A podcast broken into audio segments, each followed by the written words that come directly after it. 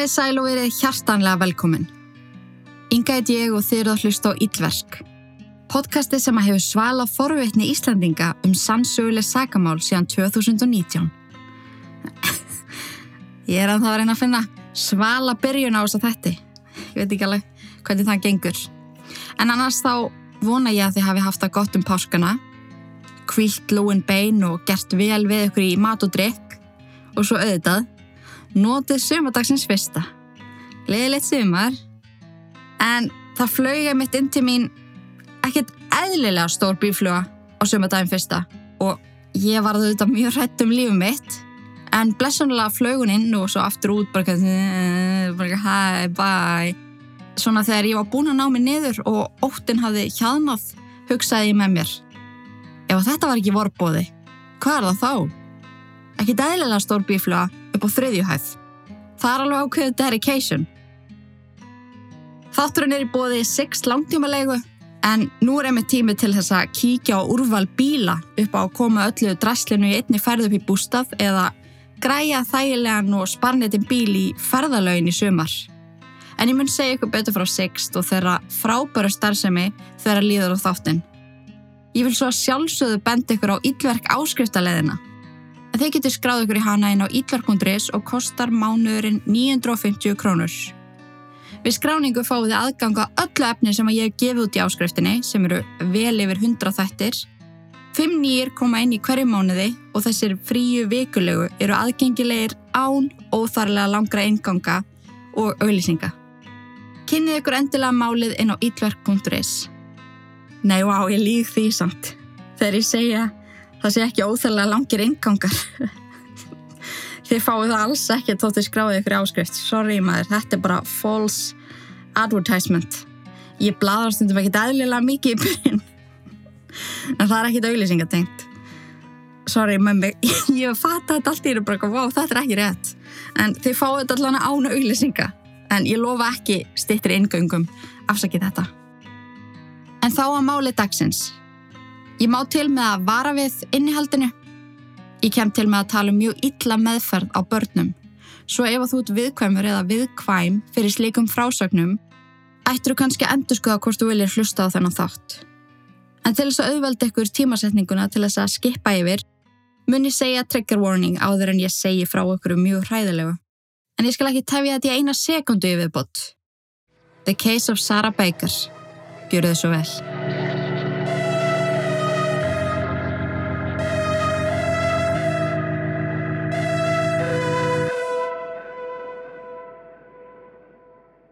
Það að eignast barn getur verið eitt af erfiðasta sem að fóreldri upplifir.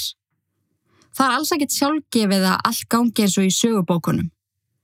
Fóreldra tengis barninu sinu strax og viðtæki dásalegi tímar. Þverst á móti. En talið er að 10% kvanna þjáist af misalvarlegu fæðingaþunglindi eftir fæðingu hér á Íslandi, sem er ansi hátala með að við hversu fávið erum. Maður getur því rétt ímynda sér hvernig staða nýbakaðra maðra í til dæmis bandarækjunum er. En rannsóknir sína einakurinn tíu nýbakaðra maðra í bandarækjunum upplifa misalvarlegt þunglindi eftir fæðingu. Stundum kallað baby blues. Þau Adam Bakers og Emily Dietrich áttu vona sínu fyrsta barni saman árið 1999. Þau voru búsett í Ástralíu og hafðu í langan tíma reynda eignast barn saman. Svo loksins var draumurinn að veruleika. Þeim fætti stúlka þann 16. november árið 1999. Fæðingin gekk nokkur hratt fyrir sig og heilsaðist móður og barni mjög vel. En Adam tók mjög fljótlega eftir breytingum í fari Emily. Hún hefði verið svo yfisir spennt og bar sig alltaf ákveðin hátt þegar hún hjælt á börnum og umgegstau. En núna þá starði hún út í loftið og hún vildi ekki halda á nýfættu dóttu þeirra sem að þau hafðu nefnt Sarah Clare. Adam hugsaði með sér að þetta hlaut nú að vera eðlilegt. Hún var uppgifin eftir fæðinguna og kvalirna sem að hún hefði gengið í gegnum. Hann ákvað því að hugsa ekki meirum þetta og taka barni strax þegar hún baðan um það. Þau dvöldu á sjúgrásin í tvo sólarhinga og líðan Emily lagaðist ekki. Hún grétt og svaf til skiptis og á degi tvö var hún steinhælt að taka við barninu og grét þegar hún var kvött til þess að gefa þau brjóst. Læknar og hjúgrunafræðingar sem að önnuðist hana á barni á sjúgrásinu hefðu ágjur af henni og báruð undir Adam að hún væri öllum líkendum að upplifa fæðingaþunglindi. Það þurfti að hlúa vel að henni og ætlaði ljósfóreldri að koma og ræða við hann og aðstóða hann að dæglega næstu tvær vikurnar heima fyrir. Svo fóruðu heimi Sara. Emilí laðist upp í rúm og láð þar næstu tvær vikurnar. Hún grétt, blótaði að vera með mjölk í brjóstónum og vildi ekki sjá barnið. Hún saði við Adam þegar hann reyndi að tala við hana. Er eðlilegt að ég elska hann ekki? Bæði Adam og ljósfóröldrið sögði henni að engar tilfinninga veru rángar. Hún ætti að leifa sér að finna allt sem hún var að finna og vera duglega að ræða upp á það sem hún hugsaði. Hún ætti svo að reyna að eiga augnableg með söru þar sem þær sátu bara tvær í róliheitunum. Hún ætti ekki að stressa sig á brjóstakjöf. Það væru til frábara formúlur sem að veittu barninu allt sem að þurfti. Og ef hún treysti sér til þegar henni var farið að verka í brjóstin því að þau voru fulla mjölk, gæti hún pumpa sig, en bara hún vildi. Vikurna liðu og ástandi lagaðist ekki. Adam sá um barnið allan sólarhingin og svaf með því inn í gestaherbyggi svo að Emilí fengi kvíld. Þótt að Adam reyndi eins og hann gata sína skilning, þá myndaðist innra með honum beskja til Emilí. Hann segi sjálfur að hann vissi alveg að hún réð ekki við þetta. En hugsanir á borðið, við reyndum að eignast barn lengi. Og hvernig getur móðir komið svona fram með barnið sitt? Skutu upp kállinum, ósælrátt. Hann reyndi þó að vera þólumóður og fór reklulega með söru inn í söfnherbyggi til Emily. Hann gaf henn að borða og kvart henni til þess að fara í styrstu og klæði sér í ný fött. Henni leið hræðilega og það sást mjög greinilega, segir Adam. Þegar að Sara var orðin mánaða gömul og ástandið hafði ekki lagast neitt, þá ákvaði Emilí að flytja til fóröldra sinna í óokveðin tíma. Hún varði að fara í burstu frá aðstafanum. Adam var mjög leiður á hún vildi fara, en vonaði að breytingu umhverju gæti hjálpað. Um leið og Emilí var komin til fóröldra sinna, bókstala samdægurs, fór henni að líða betur. Hún bjóð sér til rútínu, sem hún fyldi nokkuð auðveldlega, hitti vini, nærði sig og baðaði. En um leið hún hugsaði til þess að fara aftur heim, þá fekk hún ofsakvíðakast. Hún reyndi því að hugsa sem minnst um Söru og Adam. Emilí hafði svo samband við Adam og baði hann um að hitta sig, en baði hann vinsalast um að koma einan, ekki með Söru með sér. Hún tilkynnt honum að hún vildi veit honum fullt forræði yfir dóttu þeirra. Hún gæti ekki með nokkur móti tekið þátt í uppeldi hennar og hún gæti ekki lengur verið í þessu sambandi. Adam var skiljanlega eðilaður. Það var ekki bara dóttir hans að var að missa mömmu sína, heldur var hann að missa barsmóðu sína og unnustu til margra ára. Hann uppliði allan tilfinningaskalan, sorg, vonleysi og lokum mikla reyði. Seks mánuðum eftir að Emilí gaf upp forræðið var hún komin á mjög góðan stað andlega. Hún hafði leitað sér hjálpar mjög reglulega og unni úr öllum flóknu tilfinningunum sem hún hafði upplifað í kjölfar fæðingu Söru. Hún ákveði því að hafa samband við Adam til þess að hann væri ofinn fyrir því að hún kæmi afturinn í líf hans og Söru. Hún var ekki að beða um að hefja samband við þessi aftur og veiti henni aftur helmingsforraði. Heldur langaði henni bara að taka skref í áttin af því að eiga allavega reglulega samskipti við þau bæði. Hún fór í fyrsta sinn að finna fyrir söknuði og henni langaði að eigða tíma með dóttu sinni og kynnast henni. Adam var hins vegar ekki á sömu skoðun. Hann var anþá mjög reyður út í hana fyrir að hafa yfirgefið þau og forðaðist öll samskipti við hana eins og heitan eldin. Hann skipti um símanúmer og flutti í aðra íbúð með Söru, svo að Emilí gæti ekki haft samband við þau eða fundið þau. Adam endaði svo á því að flytja til fórildra sinna með Söru vegna fjárhagsarðuleika og hann fekk þau í lið með sér að fela það algjörlega fyrir Emilí hvar þau byggu. En fóreldra hans hafði flutt í nýtt húsnaði eftir að Adam og Emilí slitu sambandinu, svo Emilí hafði ekki hugmyndum hvar fyrrum tengdafóreldra hannar byggu. Í nokkur ár reyndi Emilí að hafa upp á Adam og dóttu sinni, án árangus, og þá var voða lítið sem til dæmis barnavendanemnd eða lauruglagat gert fyrir hana þar sem hún gaf upp forræðið af eigin vilja. Ég get samt alveg ímynda mér að þetta hafi verið mun floknara en maður farið þetta ekki dýpir upplýsingar um þetta mál heldur en þetta.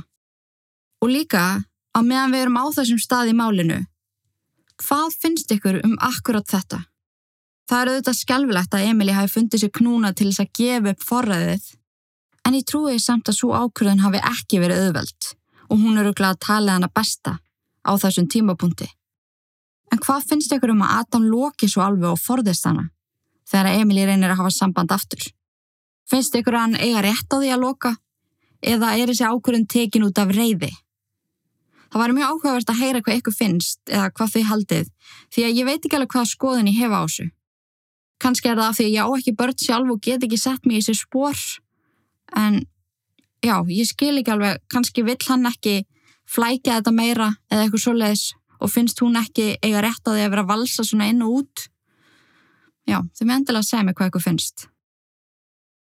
Þegar Sara var sex ára gömul, þá var hún búin að eigða mjög miklum tíma á barnaspítala eða frá því hún var tveggja á hálsás.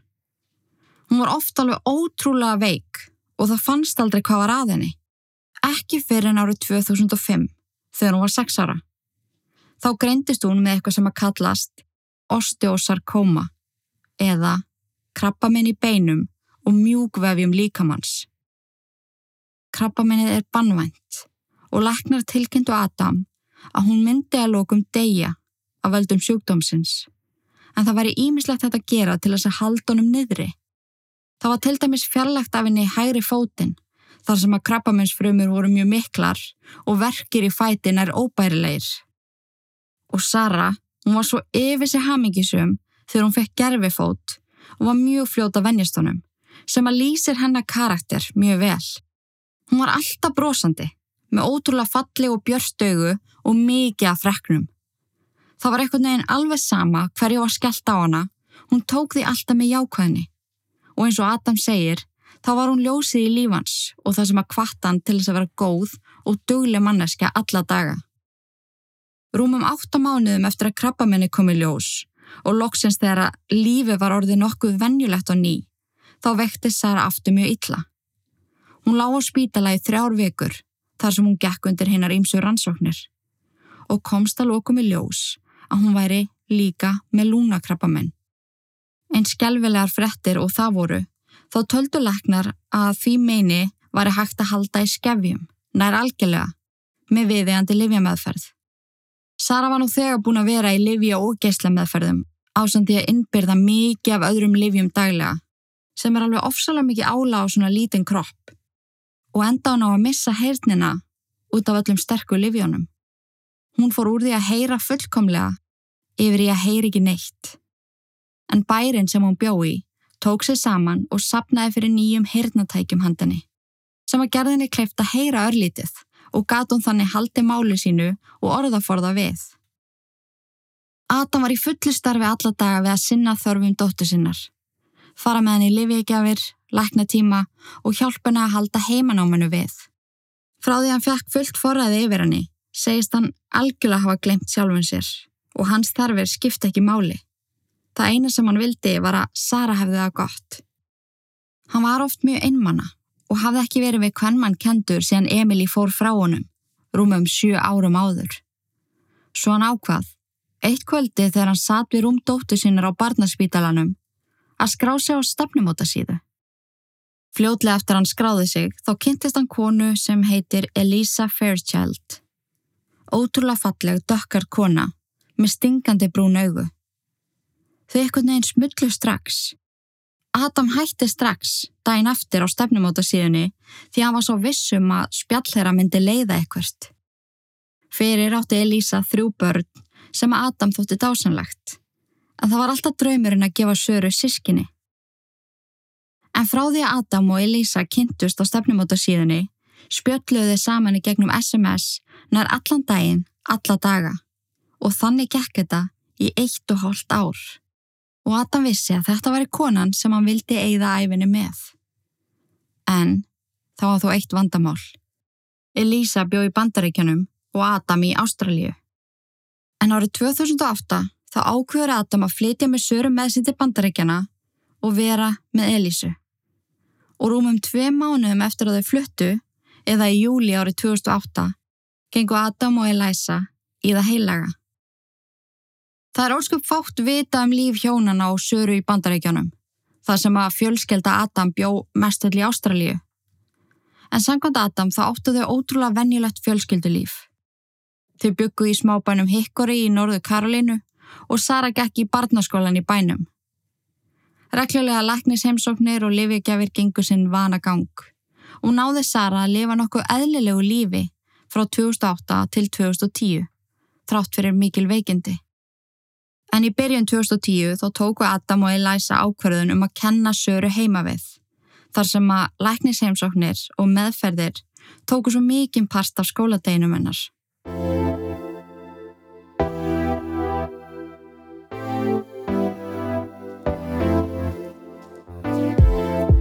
Ég er ekkit aðlilega spennt fyrir nýjasta styrstaræðila þáttarins, en nú á dögunum skrifa ég undir skemmtilegan samstarfsamning við Sixt bílalegu Sko, þið þekki mig. Ég nenni ekki að vera eitthvað búlsitta í ykkur með eitthvað gagsleisar auðlýsingar og ég tek aldrei við samstörun sem að make ekki sens fyrir mig. En ástæðan fyrir því að mér finnst niðugt að vinna með Sixt er því að ég hef gríðalega góða reynslaði að vera með bílalegu bíl. Ég hef svo oft hvart vini mína til þess að skoða þessa laust og þá sérstaklega þegar ég er svo illa brendaði að vera alltaf að kaupa mér gamla ódýra bíla og lenda svo í algjöru vesinu með viðgerðir og annað. En ég tala allavega út frá þeirri reynslu. Ég veit alveg um fólk sem á efni á því að kaupa sér bíl en ákveður að gera það ekki og tekur frekar bíl á leigu. En ég hef alltaf, bara frá því ég fekk bílprófir á gömlum bílum og lendi svo miklum hrylling og útgjöldum að ég náði aldrei að safna með pening þegar ég var á mínum early 20s árum sem að ég er ekki lengur á en svo fór ég að skoða bílalegu bíla. Ég reiknaði saman dæmið og það var miklu hagstæðra. Þá vissi ég að ég var á nýjum örugum bíl og innifæli í þjónustinni eru viðgerðir og í rauninni allt, nema bensín. Og ég var með þannan bílalegu bíl í tvö ár. Svo núna þá var ég svona smá krosskotum. Ég var sérst að skila vinnubílnum mínum sem að ég er búin að vera með í nokkur ár. Því að núna er ég komin út í minn eigin rekstur og er hægt hjá fyrirtækinu sem ég vann hjá og ég var að veltaði fyrir mér á ég að kaupa með bíl því að í fyrsta sinn á æfinni þá á ég actually efnaði. Ég var rosalega fljót að fara út af sölusíðanum og skoða frekar rekstralegu bíla og ákvaða að vera megadjörf og heyra í sext því að mér fannst þau með besta úrvalega bílum og flottustu og þægilegustu heimasíðuna. Ég er það sjálf á þegar að kemur að bílamálum sko. En ég kom inn á megasætan Glænían Hybrid Yaris og það eina sem ég þarf að sjá um er bensíni á hann. Þau sjá um allt hitt og mér finnst því svo ótrúlega örug. Það er alltaf sami fasti kostnæðar á mánuði, engin óvænt útgjöld og ekki skemmir hvað það vinnur dásanlegt fólk á það. En ég ætla mér á næstu vikum að kynna þetta vel fyrir ykkur. Og bæða og eða þið sem að nenni ekki að hlusta, eigi bíl og eru bara alls ekki svona pælingum, skipi bara yfir þetta. En ég veit að það eru margir að náti á sama stað og ég og ég skal gera ykkur að sérfræðingum í þessu því þetta er svo farlega sniðut. Ég skal deila með ykkur reikningnum sem ég gerði, hvernig þetta virkar, segja ykkur kost og galla en ég ætla að láta þessar upplýsingar döga í byli svo að þetta sé ekki mikið fyrir ykkur. Tökum eitt skrif í einu en ég vil bjóða Sixt bílalegu hjartalega velkomin í Ítlarkfjölskylduna og ég hlakka ótrúlega til að deila með ykkur alls konar fróðuleik og ég hlakka mega til að vinna með þeim áfram. Og hei, Ef að þeir eru svona pælingum, ekki hika við að heyri mér eða þeim fyrir upplýsingar. Sixbílalega.is Langtímalega á hagstæðum kjörum. Takk og bless. Velkomin tilbaka. Aðfara nótt 9. oktober árið 2010 þá vaknaði Adam rúmlega 2 og gerði sér tilbúin fyrir nætuvakt. Elisa og Sara voru í fasta söfni. Um klukkan 6 um morgunin fekk Adam símtal frá Elisu sem var í mjög miklu uppnámi. En rúmum 20 mínútum áður hafði hún ringt á neyðalínuna því hún vaknaði við svo mikla brunalegt. Þegar hún leiti út í garð þá var ekkur búin að kveikja í rustli í garðinum þeirra og þegar að slökkvilið og laurugla mætt á svæðið þá fannst mjög undarlegu miði sem var búið að líma á bílinn hennar Elisu. Engur var að kræfjast lausnagjalds og var miðinn stílar á Mark Coffey sem var yfirmaður Adam. En ræningin eða ræningjarnir vildu eina miljón dollara í skiptum fyrir hana en engar frekara upplýsingar komu fram á miðanum. Adam kom ekki strax heim úr vinnunni þar sem að eldrum var ekki mikill. Slökkuliði gæti yfirbuga hann á örfa á mínutum og það var allt í góðu með bæði Elisu og Söru, samkvæmt Elisu, þótt að henni hafi vissulega fundist þetta mjög óþægilegt. Adam kláraði verki sín í vinnunni en var með hann miða á heilanum. Hann vissi vel að yfirmæður hans var auðugu maður.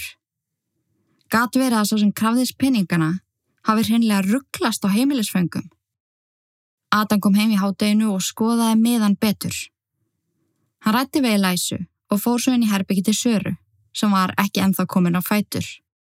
En það var alls ekkit óvanalegt fyrir hann að sofa fram yfir hádegi, þar sem hún náði yfirleitt ekki að sofa neitt sérstaklega vel á nóttunni.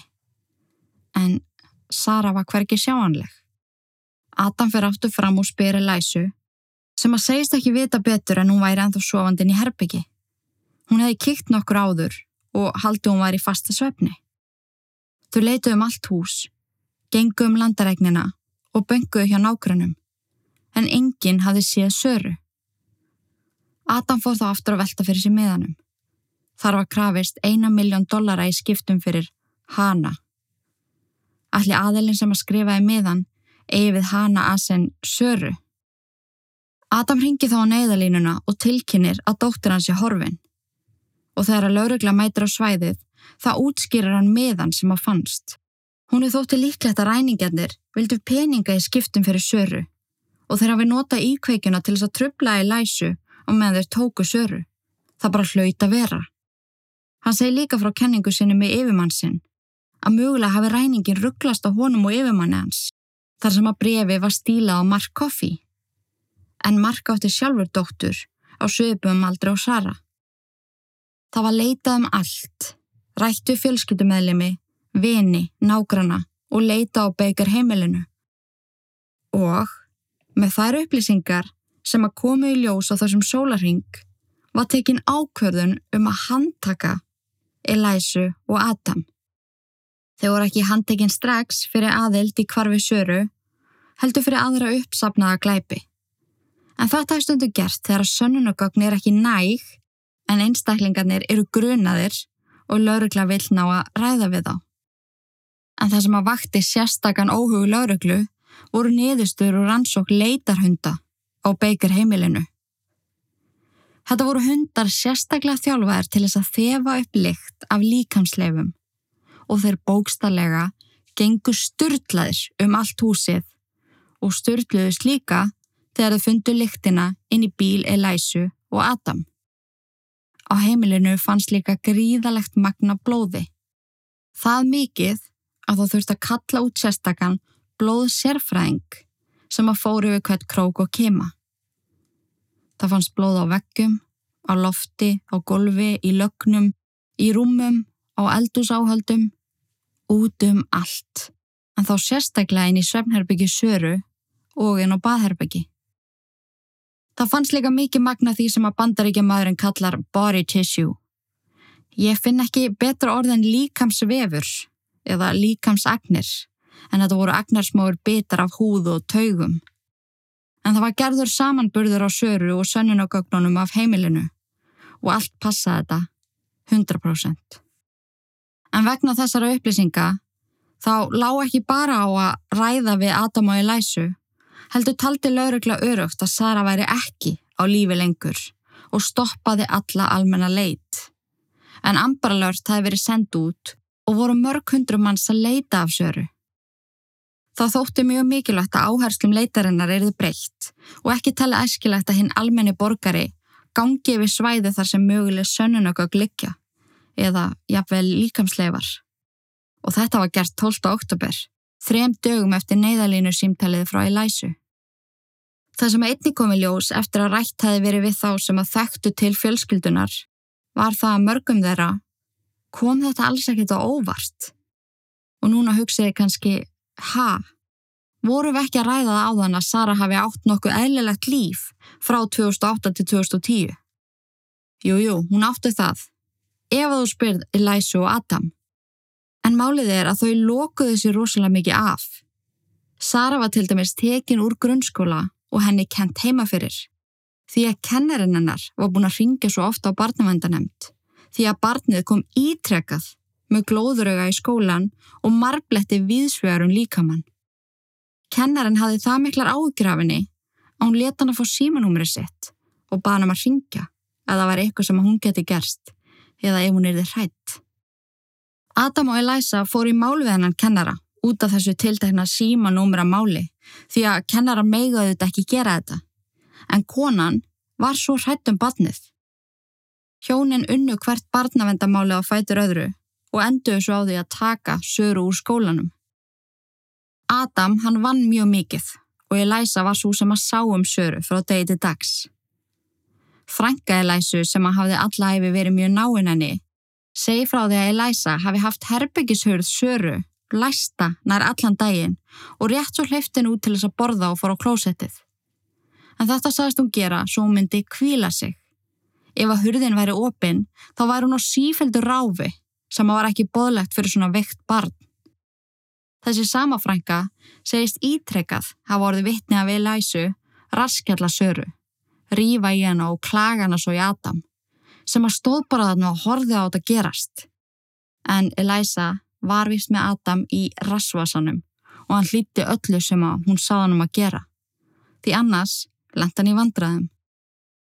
Og í kjölfarað öllum þessum upplýsingum þá var líf Elisu skoða nánar en það kom hansi fljótlega ljós að hún hafði ekki sagt Adam alla söguna, þótt að hann teldi þau vita allt um hvort annað. Í fyrsta lagi þá var Elisa eftirlýst af lauruglunni fyrir ávísunarsvindl, fyrir það að stela bíl og fyrir rán á heimili mann sem að hún var eins og í sambandi með. Í öðru lagi þá hafði hún verið sjö sinnum gift frá árunni 2000 til 2008. Adam var sjöndi eiginmaður hennar en hún var ekki eins og búin að skilja löglega við tvo síðustu. Hún einfallega fór á milli fylgja til þess að gifta sig, en eins og við höfum komið inn á áður í þáttunum þó gilda ekki sömu lögum öll bandreikin. En Adam, hann held til dæmis að fyrirvænandi maðurinn hennar síðasti var í bróður hennar. Elisa hafði kynnt þá þannig. En hún útskýrir þetta svona af hverju hún kynnti fyrirvænandi manni sinn sem bróður sinn var að hún er langaði svo að vera inn í lífi söru og ég læsa að vissi að Adam myndi ekki leifa það ef hann vissi að þetta væri fyrirvænandi maðurinn hennar. En á sömu mínútu þá sagðist hún hafa haldið að fyrirvænandi maðurinn hennar væri búin að segja um skilnað. Þannig að við sjáum það að þetta gekk ekki upp á neitt nátt hjá henni. Og af hverju ætti fyrirvænandi maðurinn hennar að vilja verin í lífi blá ókunnug spars? Þegar að rættu á við fyrirvænandi eigiminn hennar komi ljós að þetta voru menn sem áttu mjög sárt að binda og voru einmanna en átti á þó allir sammeilegt að eiga mikla fjármunni sem að Elisa hirti af þeim og stakk svo af. Og hún virðist hafa sérstaklega valið sér eiginmenn út frá stöðu þeirra. Því viðkvæmari sem að þeir voru, því betra. En Adam fjalliði þetta undir hitt fullkona fórnalamp. Hann átti langvögt barn, fekk útlutað mikið af styrkjum frá bæjarfélaginu og ekki nómið það, heldur áttan eftir að fá greitt út háa fjárhæð við andlað dóttur hans. En það var vita að Sara myndi ekki verða mikið eldri en 15 ára út af veikindum hennar. Gat verið að Elisa hafi eitthvað með hvarfanar að gera?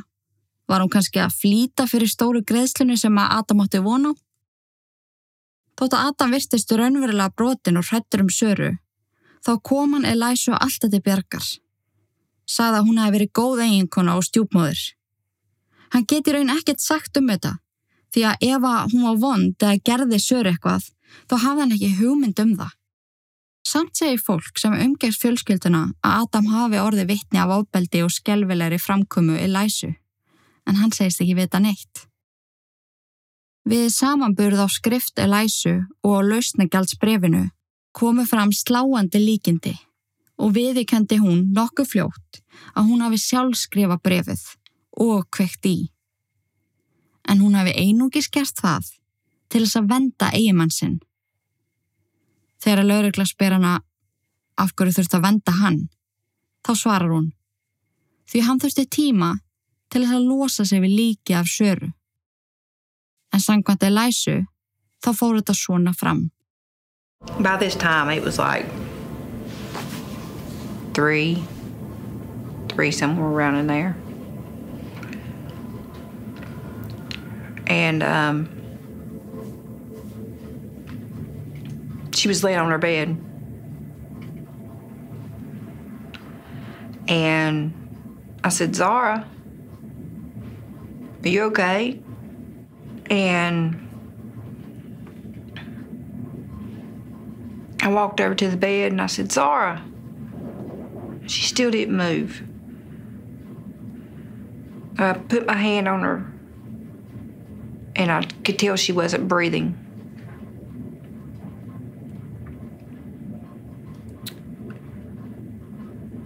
And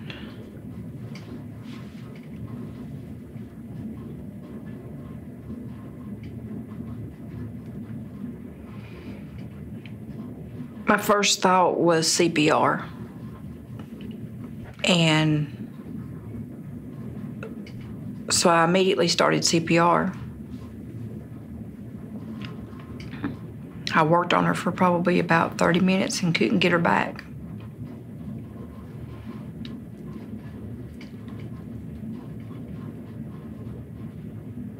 Begging the whole time for God not to take her, you know. Right then, I should have called 911.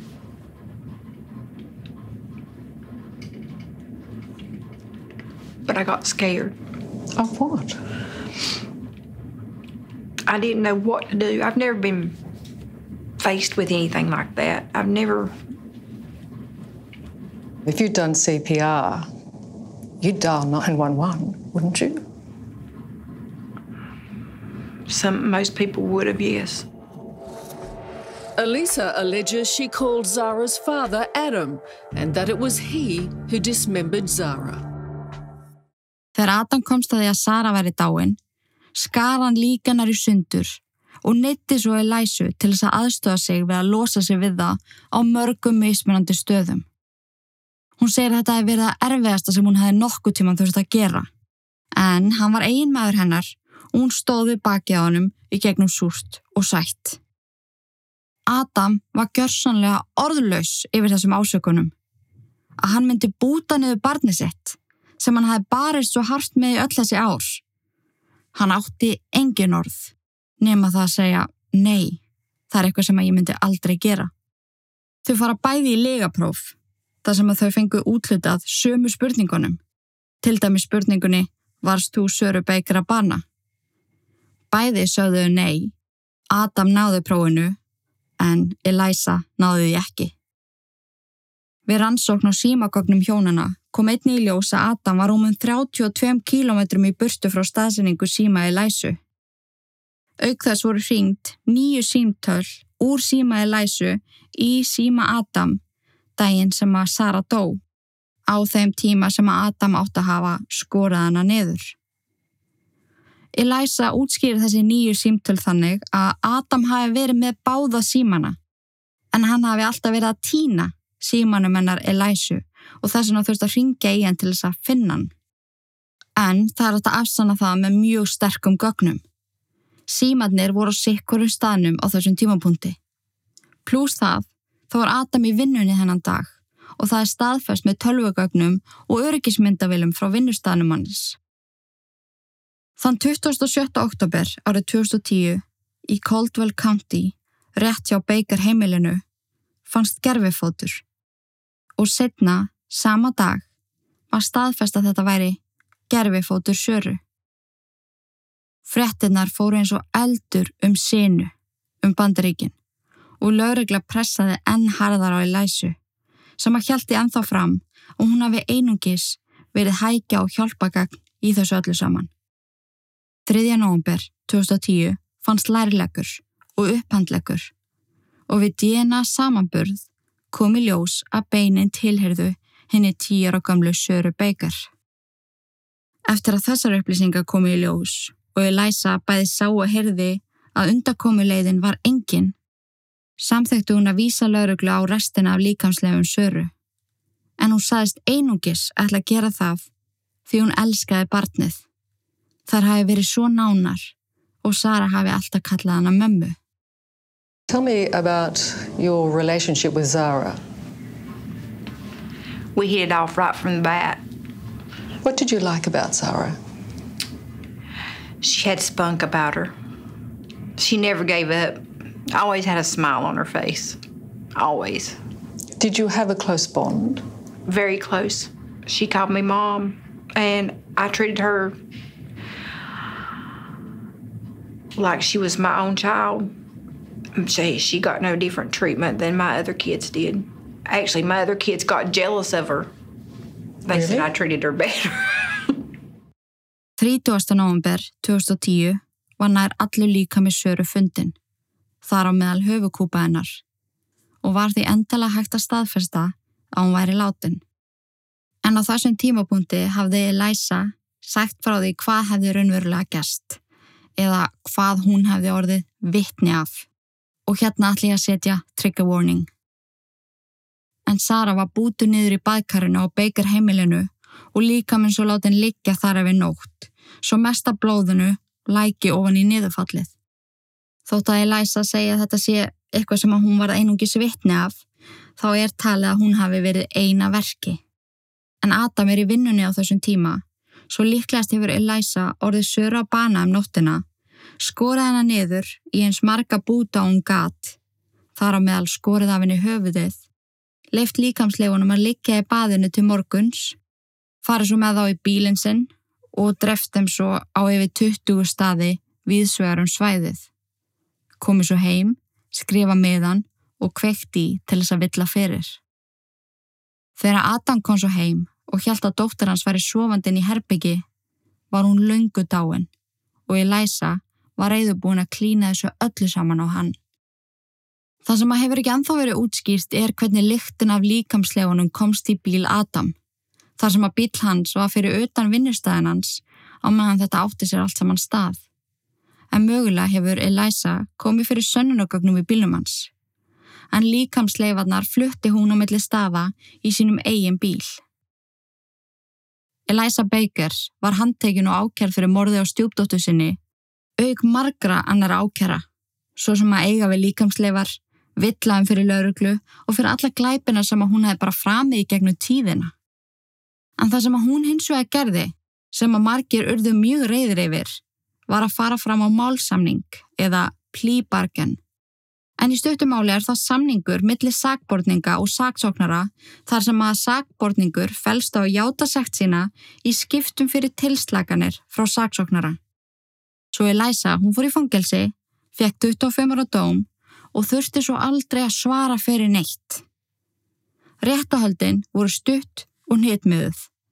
En fólk sem að elskaði Söru fekk þó tækifæri til þess að segja henni hvað þeim bjói brjósti. Til dæmis blóðmóði Söru sem að sagaði Læsu um að hafa komið fram við dóttu sína eins og almennt sorp, líkt að hún skipti ekki neinu máli.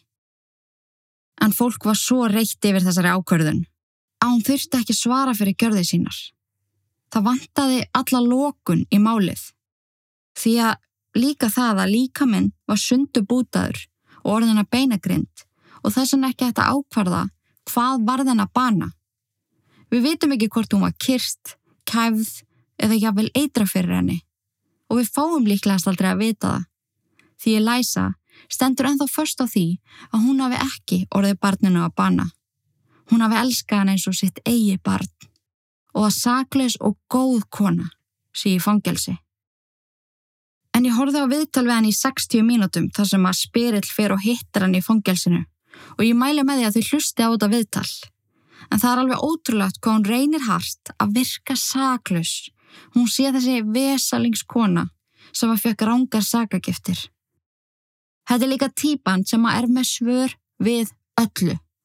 Hvort sem það er um fyrirrandi mennin hennar, ásakanir um ofbeldið sem að kennara söru tilkynntu, morðið, aflimun, símagögnin, hún er með svör við bókstala öllu. Og svörin ganga ekki alltaf upp hjá henni og hljóma oft á tíum gjörsanlega út úr kú. Eins og til dæmis þetta að kynna fyrirrandi manni sinn sem bróðu sinn. Og það að Adam hafi verið með báða símana á meðan hann sundu leimaði söru og var alltaf að týna öðrum þeirra og ringja til þess að finna hann. Veist, þetta er bara svo mikil steipa. Hún segir bara eitthvað og lígur endalaust og það er oft á tíðum gjörsalega pinlegt að horfa á hann að tala. En Elisa er í hámarks öryggisfangelsi og þarf að eigða mest öllum tíma sínum í einangrun. Og ástæðan fyrir því er að hún er svo hötuð af samfengu sínum að það er alltaf verið að reyna að drepa hana. En eins og við vitum þá eru barnanauðgarar og barnamorðingjar aldrei vel séðir, hvert sem við lítum í samfélaginu. En samkvæmt samfengu með læsu þá er hún réttræp, svo hún er aldrei örug. Og ætli það ekki verið nákvæmlega tilfinningin sem Sara upplifiði eftir að Elisa komin í lífennar. Hún var aldrei örug. Mér langar að hveti ykkur til þess að kveikja á kersti fyrir Söru Bakers eftir að hafa hlusta á hann þátt. Spáið í því hvað þessi litla manneskja þurft að ganga í gegnum mikið í lífinu. Hún lifði í tíu ár og það er vallagt að lýsa því hversu mikið á dóti var skellt á hana bara frá því hún fættist. Þetta með mömmunar, fluttningar frá Ástralíu til Bandaríkjana, stjúpmóður, ofbeldi, krabbamenn og svo þetta. En samt var hún alltaf brósandi og ég ætla að setja alveg hellinga myndum á Instagram. En það var svo ótrúlega fallegt og hamingisamt bann og allir sem að er rætt við í sambandi við þetta mál segja að Sara hafi verið svo ótrúlega brósmild og jákvæð og, og kátur krakki. Með að allt sem hún var að fara í gegnum og við skulum hugsa um hana þannig og við skulum minnast hana þannig og ég hveti ykkur, mér finnst alltaf ótrúlega góð regla eftir þætti að kveikja á kerti fyrir fórnalömpin, hugsa til þeirra og, og þau viti að það að vera að segja söguna þeirra og að við vottum þeim virðingu okkar. Mér finnst alltaf ótrúlega gott að gera þetta, þetta er svona góðu lókun þegar maður er búin að hlusta, kveikja á kerti og hugsa til fórnalampana. En ég þakka ykkur kærlega fyrir að hlusta, takk fyrir að vera til og í guðanabænum forðist öll ítlverk, nema þetta podcast. Verið sæl. Haugur, take it away. Bættu sjöfið og þú dottir eftir lukku Sýnda sáli sem í djúpa hafi sökku Gangin líf eins og flugur inn í krukku Meðan 666 andast uppu Bættu sjöfið og þú dottir eftir lukku Sýnda sáli sem í djúpa hafi sökku Gangin líf eins og flugur inn í krukku Meðan 666 andast uppu Þegar úti fyrir að dimm og frostin ístir inn að beini. Engin engil sem að veiti verði í eðilögðum heimi Sem að lagðist í eði með heift og sakleysingjar týndu lífum. Verkin ítlu sem að fólki sá í sínu sínum Hversu margir hræðast drauga? Hversu margir hræðast að það horfi í augu dauðas Augu taka mann á taugum eins og andar sem að herja mann. Hvaði voru á himnum fyndu engil til að verja mann. Hjartaslæri svo það sé með djöfulinn á hælunum Refur á móti hænunum, úlfur með sögða gæru Ílska reykar í bænum og lömpi þakma Þórað ekki að vanda. Allt og marga sálir sem að tilbyðja fjanda. Hamingja krasar eins og skip sem strandar. Anda Dráttur milli handa hættir að vanda. Þegar að þreyttir að þálsi Þegar ótti tekur yfir missa sakleysingjar málið. Sálum hent á bálið eins og nortni galdra fári. Bættu sjöfið og þú dottir eftir lukku. Sýnda sáli sem í djúpa hafi sökku Gangin líf eins og flugur inn í krukku Meðan 666 andast uppu Bættu sjöfið og þú dottir eftir lukku. Sýnda sáli sem í djúpa hafi sökku Gangin líf eins og flugur inn í krukku Meðan 666 andast uppu Er það reyði sem að geri megin Skeppnuskapur eins og grimmir hundar sem að naga bein Eins og rifur inn í hænsna kofa hænur sofa svefninum langa þegar að andar koma. Þegar illir andar taka yfir liði fyrir yfirlið ef ljósið andar fara fyrir.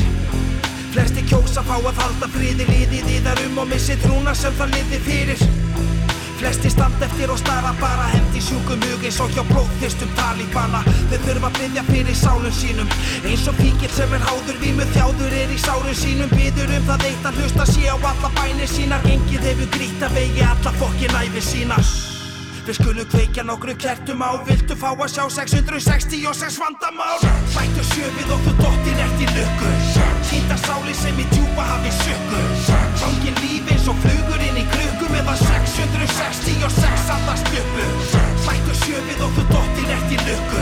Sýnda sáli sem í djúpa hafi sökku Gangin líf eins og flugur inn í krukku Meðan 666 andast uppu Býðum í andartak, andadráttur andvarpar Í andaglassi skilji andar eftir handafar Býðum í andartak, andadráttur andvarpar Í andaglassi skilji andar eftir handafar Býðum í andartak, andadráttur andvarpar Í andaglassi skilji andar eftir handafar par skilji andar eftir andafar